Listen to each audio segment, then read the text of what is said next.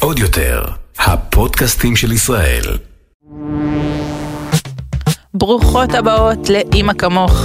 אני קרן איתן, ובפודקאסט הזה נגלה שאימהות אמיתיות הן לא מושלמות, ואימהות מושלמות הן ממש לא אמיתיות. אימא כמוך, פרק נוסף, ברוכות הבאות וברוכות המאזינות לפודקאסט של שבט אימהות, אני קרן איתן. מובילת קהילת שבט אימהות באינסטגרם ובפייסבוק ותוכנית הליווי לאימהות אחרי לידה והיום יש לי פה אימא מיוחדת אחרי לידה. תגידו שלום לשירי פדלון.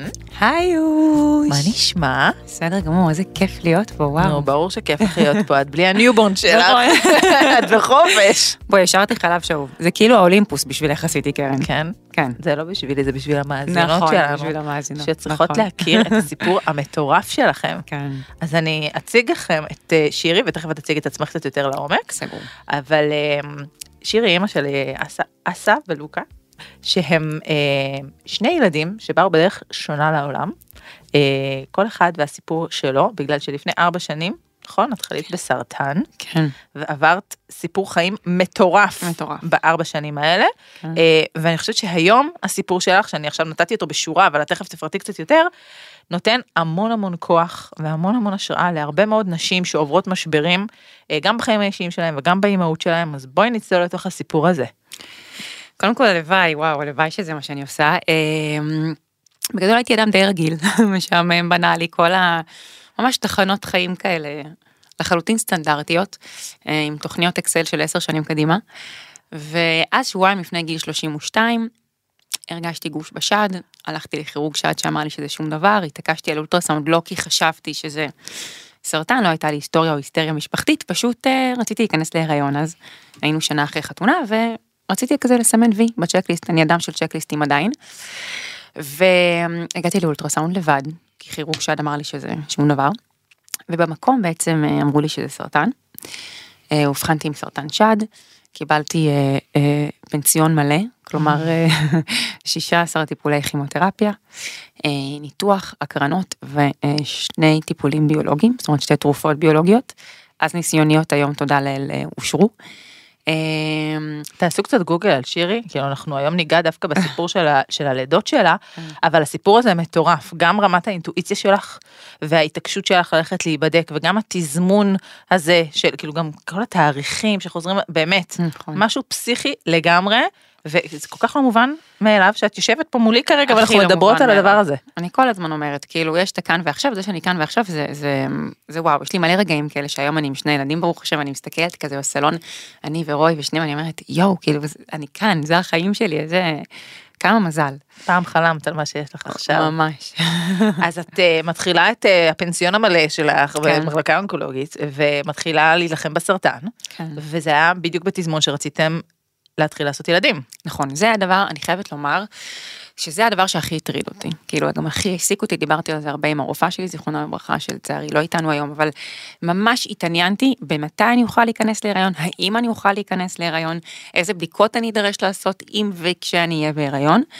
ובעצם הסיפור הזה מתחיל קצת להסתבך, כי נשים אחרי סרטן שד, אה, חלקן לא נכנסת, אבל חלקן כן יכולות להיכנס להיריון ואין בזה איזשהו סיכון אה, אה, בריאותי. אמ, אבל אני אחרי הניתוח יצאה איזושהי תרופה אה, ביולוגית חדשה שאמרו לי שאם אני אקח אותה אז הם סבורים בגלל שהייתה ניסיונית שהיא כן תגדיל את הסיכויים לאי חזרה של המחלה אבל לאף אחד אין מושג מה ההשפעה של זה על פריון וגם אם אני אצליח להיכנס להיריון מה ההשפעה של זה על העובר.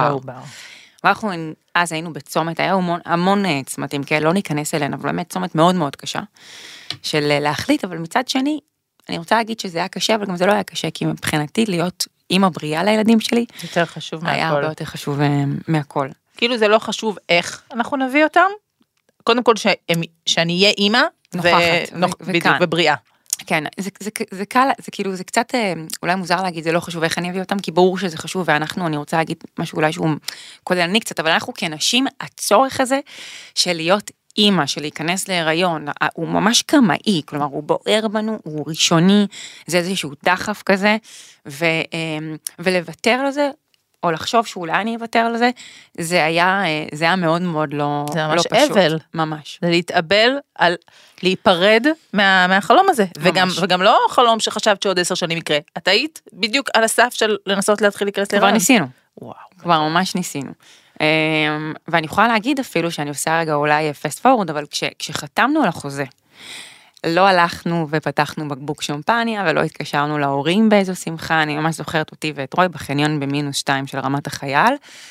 אה, בוחרים את חיינו, ממש אני, ממררים אני רק בבכי. פותחת סוגריים למי שלא מכיר חוזה הפונדקאות, שככה בעצם בא הבן הבכור שלכם. מבררים, ממררים בבכי על זה שאוקיי, זה, זה קורה, ו, וזה קורה בדרך שלא רצינו שזה יקרה. לגמרי. אני חושבת שהייתה שם איזושהי הכרה של שנינו גם שחלינו. כי בסופו של דבר כשאת חולה יש איזה מסלול, ואת כמו עובדת בזה, כאילו, את אין לך הרבה זמן רגע ליפול, את כאילו אוספת את עצמך, את אומרת, אוקיי, זה המצב, אני חייבת כאילו להיות עכשיו עם סכין בין השיניים, ולרוץ על זה. אין לי זמן עכשיו להתפרק, אין לי זמן עכשיו כאילו לאבד את הדבר. את, אני אובחנתי ביולי, באוגוסט כבר הייתי בטיפולים, הייתי בכימו, אחרי שימור פריון, כלומר אחרי סבב של שאיבה, שפוצצו אותי בהורמונים, כי ברור שיש שאיבה אחת אה, וזה רגע, מה שיש. את זה פספסתי. בשנייה שאת מגלה שאת חולה, שנייה לפני שאת מתחילה להילחם במחלה, הדבר הראשון שאת עושה, זה הולכת לשואבת ביציות. יש היום אה, פרוטוקול שנקרא פרוטוק, פרוטוקול שימור פריון, שבגלל שלא יודעים מה הכימותרפיה תעשה לשחלות ולפריון של האישה, אומרים זאת תעודת ביטוח. זה לא חובה, יש נשים שמחליטות לוותר על זה, אני כמובן בחרתי לא לוותר על זה, ובעצם יום אחרי האבחון כבר התחלתי עם ההורמונים, כלומר לא רק להיות מאובחנת בסרטן שד, גם לעשות את זה כשאת הורמונלית ברמות, oh my god. ופוצצו אותי שאבו ממני 61 ביציות. וואי וואי, כמה 61, ילדים את יכולה לעשות כן, היום. צחקתי גם פאה, גם 61 ביציות, זמן לחזור בתשובה, אבל... אה, קדימה. כן, כל, גלת. ברוך השם, תודה, זה היה כאילו זה. אבל בסופו של דבר אנחנו, זאת אומרת, גם אחרי שסיימתי את, ה, את, ה, את הטיפולים והתחלתי תרופה ביולוגית שנה אחרי סיום כל הפרוטוקול הזה, אני ורוי באיזשהו מקום הבנו שאנחנו רוצים ללכת להליך של פונדקאות, הבנו שגם אם אני אוכל להיכנס להיריון זה בערך שלוש שנים, כי בסוף זה שנה של טיפולים, כימו ניתוח הקרנות, עוד שנה של תרופה ביולוגית, ועוד חצי שנה, שנה של התנקות מכל הדבר הזה, ואז עוד תשעה חודשים של הריון, כאילו זה כל כך הרחיק ממני את הדבר הזה שאמרתי אין סיכוי שאני מחכה את זה. כבר היינו בתהליך של כניסה להריון, לחכות את זה היה ממש כאילו מבחינתי, מה זה, זה היה עינוי, זה ממש היה ייסורים והייתי הולכת ורואה אנשים אה, עם עגלות עגלות. בשדרות בן גוריון, והלב שלי ממש התכווץ, כאילו הרצון הזה להיות אימא בער בי מאוד מאוד, והתחלנו לחשוב על, אה, על פונדקאות, זו החלטה מאוד מאוד מאוד לא פשוטה. היום היא נראית לי פשוטה, אבל בדיעבד אני חושבת גם שאחד הדברים שלא מדברים עליהם אולי מספיק, יש היום אה, בתקשורת כל מיני מקרים של אולי אה, אנשים עם אה, פרופיל יותר גבוה שעשו פונדקאות, אבל זה בסוף השורה התחתונה. הבאתי ילד לעולם בהליך פונדקאות, לא מדברים מה קורה עד שהילד בא מה לעולם? קורה, לא, גם לא מדברים על ההחלטה, היא החלטה נורא קשה. בסופו של דבר היא קשה מהרבה בחינות, קודם כל היא קשה בוויתור. לוותר על החלום הזה. את יודעת, אני חליתי בסרטן, יש הרבה נשים שעוברות אה, אה, גיהנום בתהליכי, אה, סליחה, בטיפולי פוריות. וההחלטה להגיד, אני זהו, לא מנסה יותר. אינני יכול עוד, מהמם. היא קשה מנשוא. כאילו להבין שאת מנסה, מנסה, ואת צריכה להרפות, you have to let go כרגע. מהמם. אז גם ההחלטה עצמה, אפילו בשבילי בתור מי שחלתה בסרטן, ואמרו לי כן, לא שחור או לבן, היה רגע שאמרנו אולי נחכה, אולי נמתין עם הדבר הזה, אוקיי? אז קודם כל יש את הגשר הזה לחטות. בעצם את קיבלת את ההחלטה, קיבלתם את ההחלטה ללכת לפונדקאות כשאת עוד לא בריאה. לא, קיבלנו את ההחלטה לפונדקאות, התחלנו להתבשל בזה כשהייתי עוד אה, בטיפולים, וכשסיימתי את הטיפולים חודשיים אחרי חתמנו על החוזה, כאילו כבר הייתי היית אחרי. נקייה כבר. כן. הייתי על תרופה ביולוגית, אבל הייתי, אבל הייתי כאילו אחרי. היו מחשבות על איך אני מביאה ילד לעולם בהליך כזה מורכב, ואולי המחלה תחזור, או... תראי, המחשבות האלה קיימות כל הזמן, הן קיימות גם היום, ארבע שנים אחרי, את יודעת, טפו טפו, כן. אני דופקת פה על השולחן. לא, אבל שם זה היה, זה ברור, אבל אה, זה היה ממש סמוך. את מעלה לי זיכרון נורא נורא חזק וכואב, שמעולם לא חלקתי, ש... הנה, ישר בוכה. שלי הגיוני. בוכה, זה כאילו, זה כאילו נורא.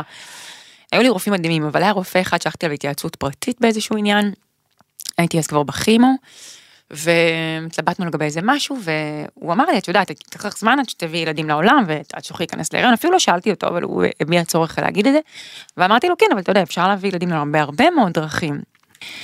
ואז הוא אמר לי, כן, אבל אני במקומך הייתי מחכה, אף אחד לא רוצה להביא לעול- לעולם ילד יתום. כמה רגישות. כמה רגישות. כמה טקט, איזה יופי. ואני יושבת שם, ואני בכימו, כאילו באמת, הכוחות הנפשיים שלי כרגע הם גם ככה במינוס שבע. ואני זוכרת שגם הייתי עם ההורים שלי והתאפקתי לא לבכות. ולא לא הקשבתי לכל מה שהוא אמר באותו רגע, זה היה לא רלוונטי כבר מבחינתי, כן? וזה משפט שהלך איתי, אני חושבת שרק לא מזמן התנערתי ממנו. וזה קיים, אבל בואי, אנחנו יכולים מחר, כאילו, כן, לצאת זה... לרחוב ולהידרס. ברור, זה, זה, זה, זה משהו זה שקורה כזה. לכולנו, אבל זה, זה מטורף בעיניי שתוך כדי שאת נלחמת בחיים, את חושבת על, על החיים, חיים. על להביא חיים. אבל זה אחד הדברים, קרן, תראי, אני ניסיתי לשלוט בחוסר שליטה. יש הרבה חוסר שליטה, החיים שלנו מלווים... בחורה של צ'קליסטים. כן, החיים שלנו מלווים בחוסר שליטה, ואם אני לא הייתי באמונה שלמה שהדבר הזה הוא לא סיפור החיים שלי, הוא עוד סיפור בחיים, ושאין שום אפשרות חוץ מסוף אחד, שהוא סוף טוב, הוא לא סוף, אה, לא היה לי סיכוי, אני אומרת האמת, לא היה לי סיכוי, אני הייתי כל הזמן, דרך אגב, המשפט הראשון ששאלתי כשאובחנתי את הרופא אמיתי, סיפור אמיתי, הייתי לבד בחדר, כי שוב, באתי כזה בקלולסית, והוא אמר לי שהוא חושב שיש לי סרטן, והשאלה הראשונה לא הייתה איזה שלב אני אחי, אני אמות, השאלה הייתה, אז מתי אני אוכל להיכנס להיריון? וחברה טובה אמרה לי משהו נורא יפה, אמרה לי, אומרים שהמשפט הראשון שאת אומרת כשמאבחנים אותך, הוא המשפט שקובע את האופן התמודדות שלך. היא אומרת לי, ואת בחרת בחיים מהרגע שאמרו לך את זה. ואני לקחתי את זה איתי, והמחשבות האלה ברור שהם היו לי בראש. אבל שוב אני אומרת, אף, אנחנו לא יודעים כלום mm-hmm. על, ה, על העולם ועל החיים. כל, כל, כל מה שאנחנו מביאים ילדים לעולם זה נס, הריון זה נס, לידה זה נס, להיות בחיים נכון. זה נס. אבל בחרתי פשוט להגיד, אני, אני הולכת להיות פה. וזה מה שהוציא אותך מזה, אני חושבת שזה גם. חלק מאוד מאוד גדול בהסתכלות הזאת קדימה, ובא, ובלהתעסק במה שהולך להיות במשפחה שאנחנו הולכים להקים, ולא ב, ב, במוות ובחולי וב, ובכאב שאת נמצאת. לוקה היה אור ועדיין אור ענק, אני ממש מרגישה שקראנו גם לוקה זה ברינגר of the light, כאילו מביא האור, לי ולך קרן אור, אנחנו כותבים את זה עם א', והוא ממש היה כמו אור שהגיע והאיר את החושך, כאילו ממש היה איזו התעסקות בריאה חיובית נעימה. וגם, בואי, אני אף פעם לא שאלתי אף רופא שישבתי מולו מה הסיכוי שלי. אף פעם לא שאלתי סטטיסטיקות, זה לא עניין אותי. טוב, אנחנו כבר יודעות שאת מנצחת את הסטטיסטיקות. אני מושכת באוזן, אבל בגדול בגדול, את אומרת לעצמך, בסוף אני 100%, הסטטיסטיקה לא מעניינת אותי, ואני בריאה, כרגע אני בריאה, זה כל מה שיש לי לשחק נכון. איתו. אני לא יכולה לחשוב מה יהיה, אם יהיה, אי אפשר, זה, זה חור שחור שאתה נופל אליו. אז אתם מחליטים אה, ללכת על פונדקאות, כן. ואת מחליטה לעשות את זה בחו"ל. נכון. למה? קודם כל לנו זוג חברים מאוד טוב שעשה את זה בחו"ל, ומבחינתי הם היו כמו תו תקן, כמו יד ראשונה מרופא, אז הם היו הדבר הזה בשבילי. וגם אני מודה שבמצב, אז שהייתי בו לפני ארבע שנים, הייתי במצב רגשי כזה, שקודם כל מעטים מהאנשים שידעו שחליתי, מעטים מהאנשים שידעו שהחלמתי, מעטים מהאנשים שידעו שבכלל אנחנו עושים פונדקאות, ומשהו בי רצה שזה יישאר רחוק. היה בי איזה, איזה, גם, זה גם עניין של זמן, כן, בארץ זה לוקח המון זמן, שם מרגע שחתמנו על החוזה, תוך חודשיים ימים, אה, היה כבר ניסיון החזרה ראשון, אה, שכשל, אבל היה. בסדר, יש לך 61 אה, ביציות, מה אכפת לך? תחלקי למי שאין לו. וגם אני חושבת, אנחנו עד היום בקשר עם פונדקאית שלנו, כן? גם אז היינו איתו בקשר, מהרגע שעדכנו אותנו שהחזרה צלחה, היינו שם וגם ביקר, עשינו בגיאורגיה את ההליך פונדקאות, ביקרנו שם כמה פעמים לפני הלידה. הקשר איתה היה הדבר הכי חשוב לי, חיבר אותי לתהליך, לי זה, לנו זה מאוד מאוד הועיל כזוג, והיה לנו נעים. אני לא חושבת שזה נהוג אה, ללכת לבקר לפני הלידה, אה, נכון? מי שרוצה יכול, אנחנו מאוד מאוד רצינו. מה עשיתם בביקורים האלה? חיבקנו אותה מאוד. היינו נוכחים בבדיקות קודם כל, זה, זה מדהים לראות פתאום את הדבר הזה, אני יכולה כן להגיד שבפעם הראשונה שחזרנו משם, היה לי התקף חרדה על המטוס, פעם ראשונה בחיים, לא היה התקף חרדה בסרטן, והיה התקף חרדה שם, כי זה היה כאילו כמו להשאיר אותו מאחור. זה היה כאילו הלב שלי שם, איך אני, איך חוזרים, זה כבר לא תיאורטי, זה כבר לא מחשבתי, זה כבר לא שיחות סקייפ או זום או גוגל, זה כבר כאילו... ראית אותו. ראיתי אותו, הרגשתי אותו, שמעתי אותו. איך אני חוזרת, התקף חרדה מטורף על המטוס, על הטיסה של שעתיים ועשרים דקות, מטורף, כאילו, איזה עוד. אמ, אבל בסוף אה, זה היה לנו חשוב, גם להיות בבדיקות, גם לראות אותה, גם לראות את המדינה. כאילו להבין איפה את הולכת להיות עכשיו חודש אחרי זה, להבין שנייה רגע, מה זה גיאורגיה, איפה אנחנו הולכים להיות, וגם לחבק אותה, לראות אותה, לדבר איתה, אה, לפגוש את הילדים שלה, את, ה, את בעלה, כאילו זה מאוד מאוד מדהים, חיבר אותנו. מדהים, אני, אני באמת יודעת בוודאות שרוב הזוגות לא עושים את זה, כן. כל אחד מסיבותיו שלו, אבל אתם בחרתם לנהל. את זה בצורה שהכי מתאימה לכם ולמשפחה שלכם, כן. ואז אתם מגיעים ללידה, נכון? כן. מתי מגיעים בעצם? בשיא הקורונה. זה חוקי, זה חוקי, ממש לא, הכל היה קל קל קל, באמת קל כן. שלוש שנים קלות, לא. לא, לא, סרטן לא, לא מספיק טוב, פונדקאות נכון. לא, לא מספיק טוב, קורונה, אוקיי. סבבה, בוא נעשה כן, קורונה. כן. אז איך מתזמנים את ההגעה שלכם? אז קודם כל, היינו אמורים להגיע אה, חמישה לפני שבוע 38 שלה. בפועל סגרו את השמיים, התקופה המדהימה שכולם קנו ביצים וניירות טואלט, זאת התקופה. אה, ו, ופשוט אבא שלי לוקח את רוי ואותי לשיחה ואומר לנו, אתם שומעים, אתם חייבים לעוף מפה. כאילו, אתם הולכים, הולכים לסגור את השמיים, תעופו.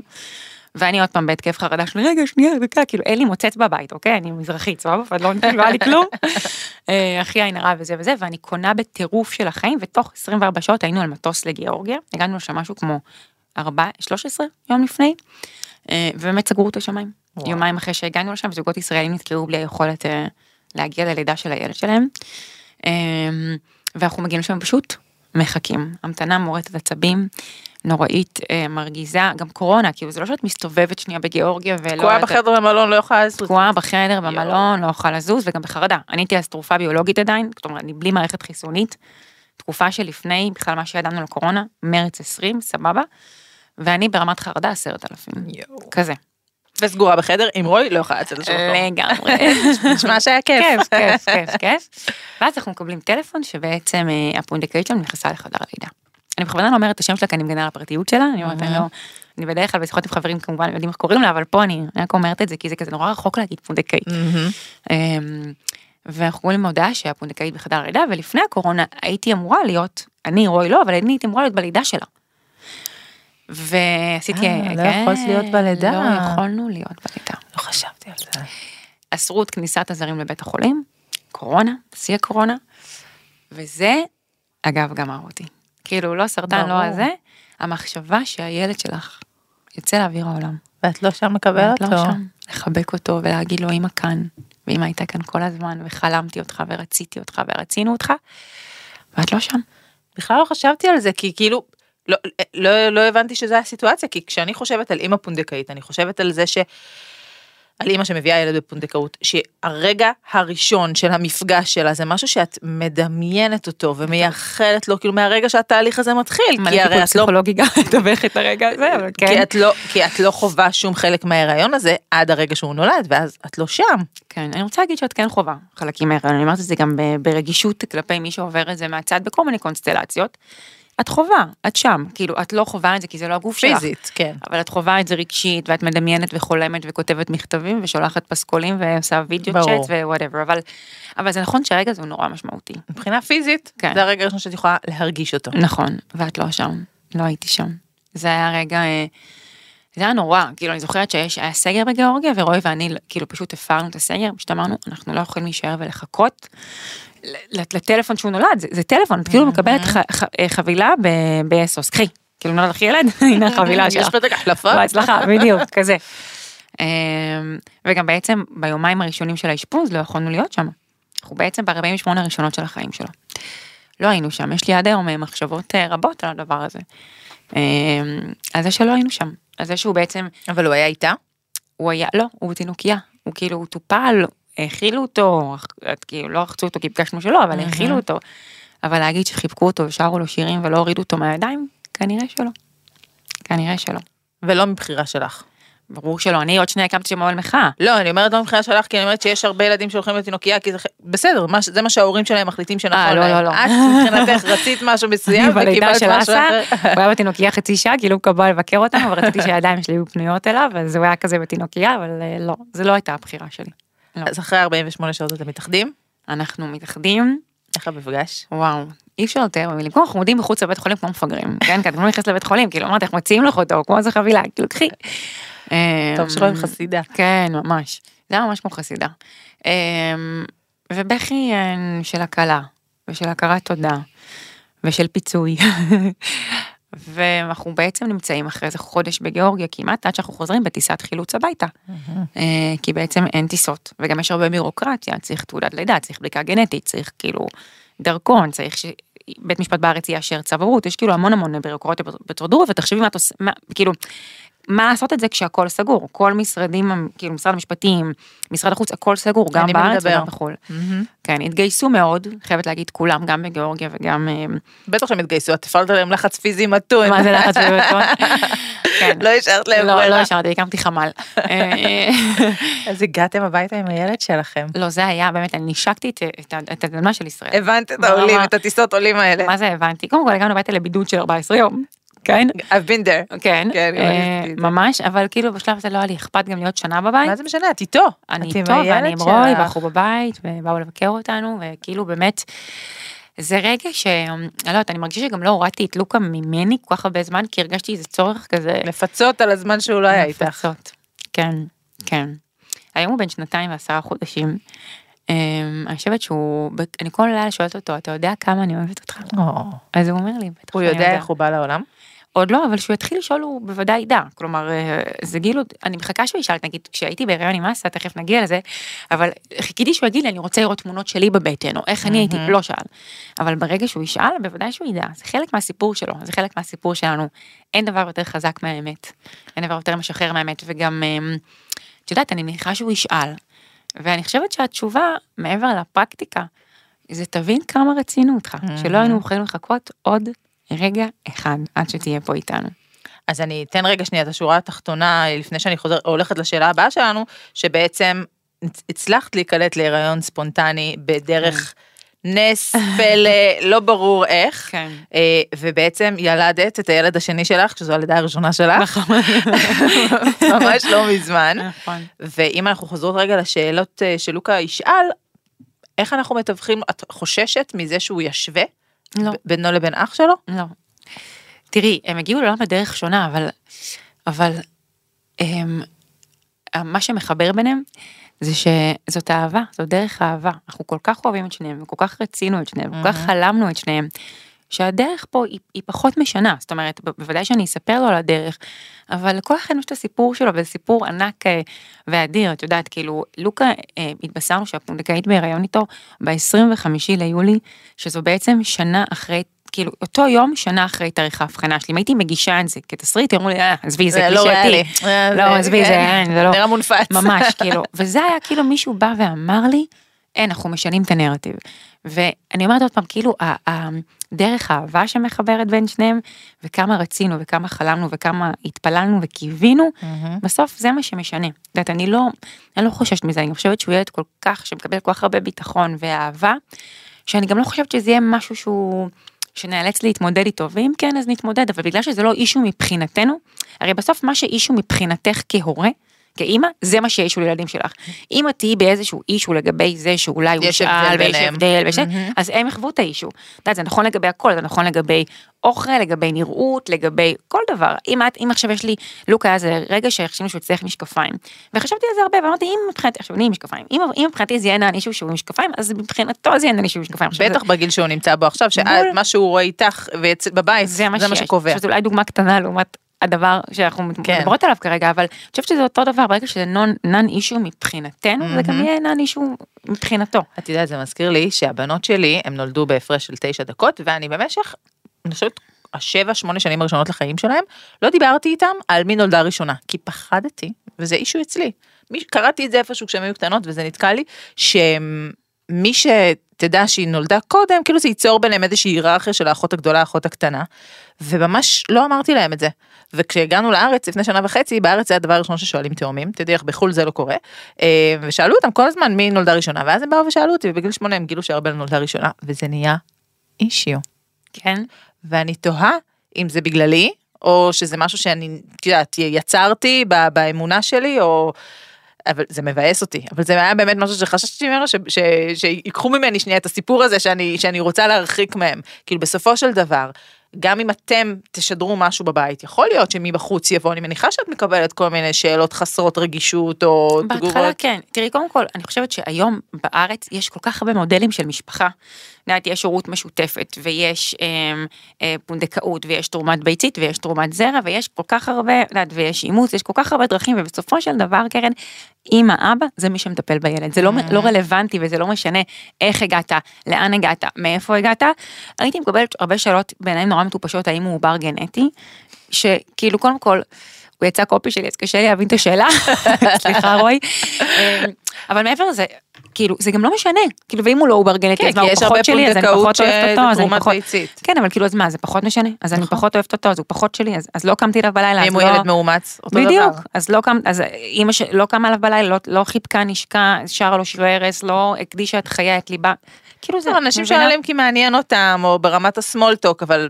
אני נורא מאמינה שמה שאנחנו כהורים גורמים לו להרגיש שזה נען אישו. את יודעת, לוקה נגיד היה ילד שהוא היה קטן, טיפה כזה, כאילו צ'אב, הוא מרגיש כמו חמוד כזה.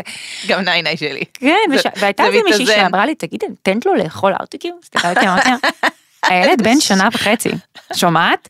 עכשיו, אני הייתי ילדה עד גיל 12, שמנה, אוקיי? הייתי ילדה עם עודף משקל, כאילו, אין מה זה. ואני פשוט, אין לי שום אישו עם זה, כי אימא שלי לא נתנה לי להרגיש שזה אישו, בכלל. כאילו, ממש שאח שלי הוא דוק, הוא שרוך, והיא נתנה לו לאכול בדיוק כמו נתנה לי לאכול, לא היה כזה מין טוב, הוא מקבל משהו ואת לא, כי את צריכה... זה היה נן אישו, והיום מבחינתי אין לי שום צלקת, זיכרון, או איזשהו עניין עם אוכל, או עם המשקל שלי, או עם הנראות שלי, כי היא לא גרמה לי להרגיש ככה. ואני חושבת שמה שאנחנו כהורים גורמים לילדים שלנו להרגיש, זה מה שיהיה. ואם אני אגרום ללוקה להרגיש שזה נן אישו, שכל כך רצינו אותו, ורצינו בו, להפך, את לא, זה בדיוק. לא שזה לא נון אישו, זה כאילו לכיוון, לכיוון השני. אנחנו בחרנו בכל רגע ובכל שקל ממש. להביא אותך לעולם. כן, כשלוקה הגיע לגן, אז פעם ראשונה, בגיל שנה וחצי, אז באתי לגן, אמרתי, תקשיבי, אני יודעת שכל הילדים יקרים, אבל הוא ממש יקר." כי אנחנו עדיין משלמים עליו, אז כאילו, בואי ניזהר. הילד הזה בא עם משכנתה. תכירו את הילדים, אה, ניל, קאי ומשכנתה. משכנתה. זה השם שלו. ממש, אבל זה מדהים, כי עכשיו נגיד, אה, פעם ראשונה יש לי פה צלקת, מהניתוח, ולוקה פעם ראשונה אמר לי, אמא, מה זה? ו... וגם לו יש צלקת פה. פה זה על החזה, כן. למאזינות שלא רואות. אה, נכון, על- בשד הימני שלי, וגם ללוקה יש צלקת פה. הוא, הוא פתח גם כבר את המצח. אה, ואת יודעת, וכאילו, שאלתי מה זה. אז אה, אמרתי לו, אה, אמא קיבלה מכה חזקה, ו... ויש לה עכשיו סימן מזה. ואז הוא אומר לי, וזה כואב? אמרתי לו, לא. ואז הוא שאל אותי, זה כמו שלי? אז אמרתי לו, כן, לא יודע. ואז אמרתי לו, אתה יודע מה זה? זה סימן, זה, זה מבחינתי, אמרתי לו, זה סימן לזכור את המכה ואת זה שהתגברנו. אמרתי לו, התגברנו, כזה, והוא אמר לי, אמא התגברה. אמרתי לו, נכון? אמא התגברה, וזה מדהים, כי עוד פעם אני אומרת, זה ברגע שזה הסיפור שלנו הופך להיות הסיפור שלהם. לגמרי, ואם אם אנחנו שלמים איתו, ואני אומרת לך, קרן, פעם לא הייתי ככה. פעם, כאילו, ואנחנו רגע נדבר שנייה על אסה, אבל פעם, אני כל כך התביישתי בסרטן. זה שחליתי, לא היה לי כוח לרחמים, לא היה לי כוח לחמלה, לא היה לי כוח שישאלו אותי, זה עצבן אותי גיבורה, מעוררת השראה, זה הביא לי את הסעיף, היום אני לא במקום הזה, והתביישתי בפונדקאות, כי מבחינתי זה היה פועל יוצא לזה שהיה לי סרטן לצורך העניין.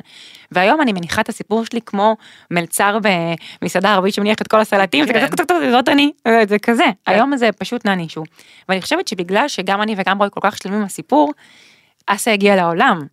כי הדבר הזה שגם אז לא ידענו, זה לא קושי, זה פשוט הפך להיות משהו שהוא לא מקור של קושי. ממש, ולכן היה אפשר נורא נורא בקלות להמשיך בדרך הטבעית שלכם כמשפחה. בול, וגם לא ידענו, תראי, גם אני זוכרת שכן ניהלתי שיחה עם רעיונות, תקשיב, אם עד שלוקה בן שנתיים אני לא בהיריון, ולא היינו מאלה של הספירות וזה, היינו במין אללה בבאללה, אז אמרתי לו, אנחנו נשתמש בעוברים המוקפאים, ואם לא נצליח תוך נגיד ארבעה חודשים, נלך לפונדקאות, כאילו זה לא היה כזה מין, יו, רק לא פונדקאות או עוד פעם.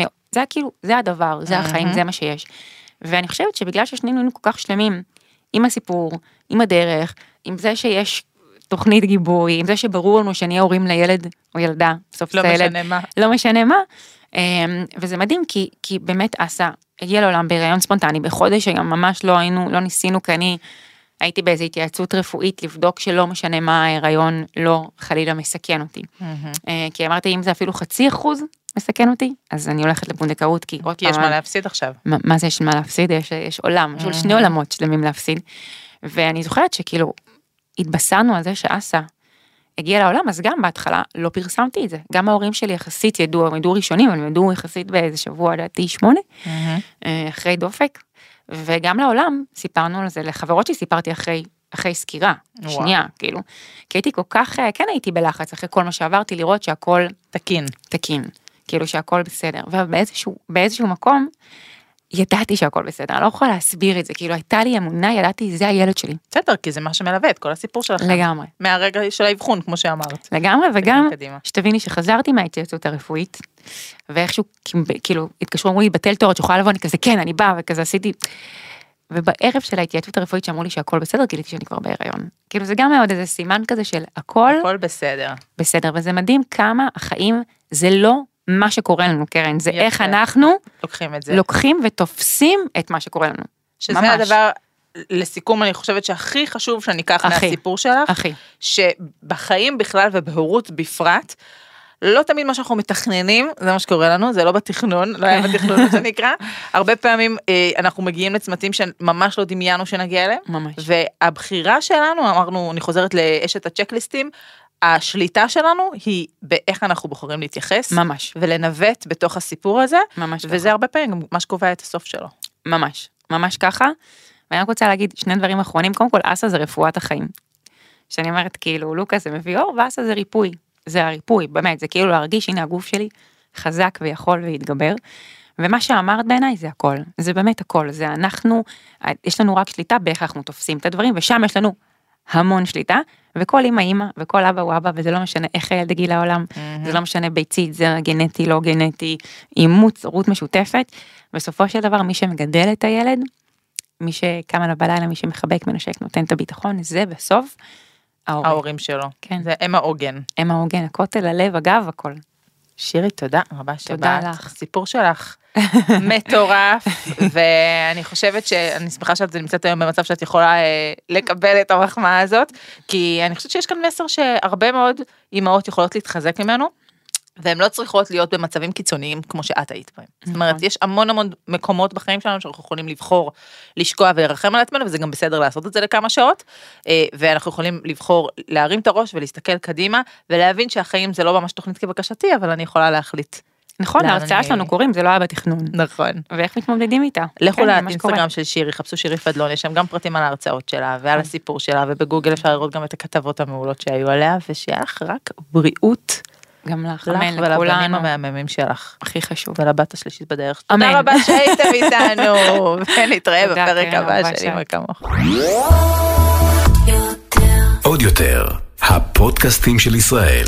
הוקלט באולפני אדיו, המשווקת את ספוטיפיי בישראל.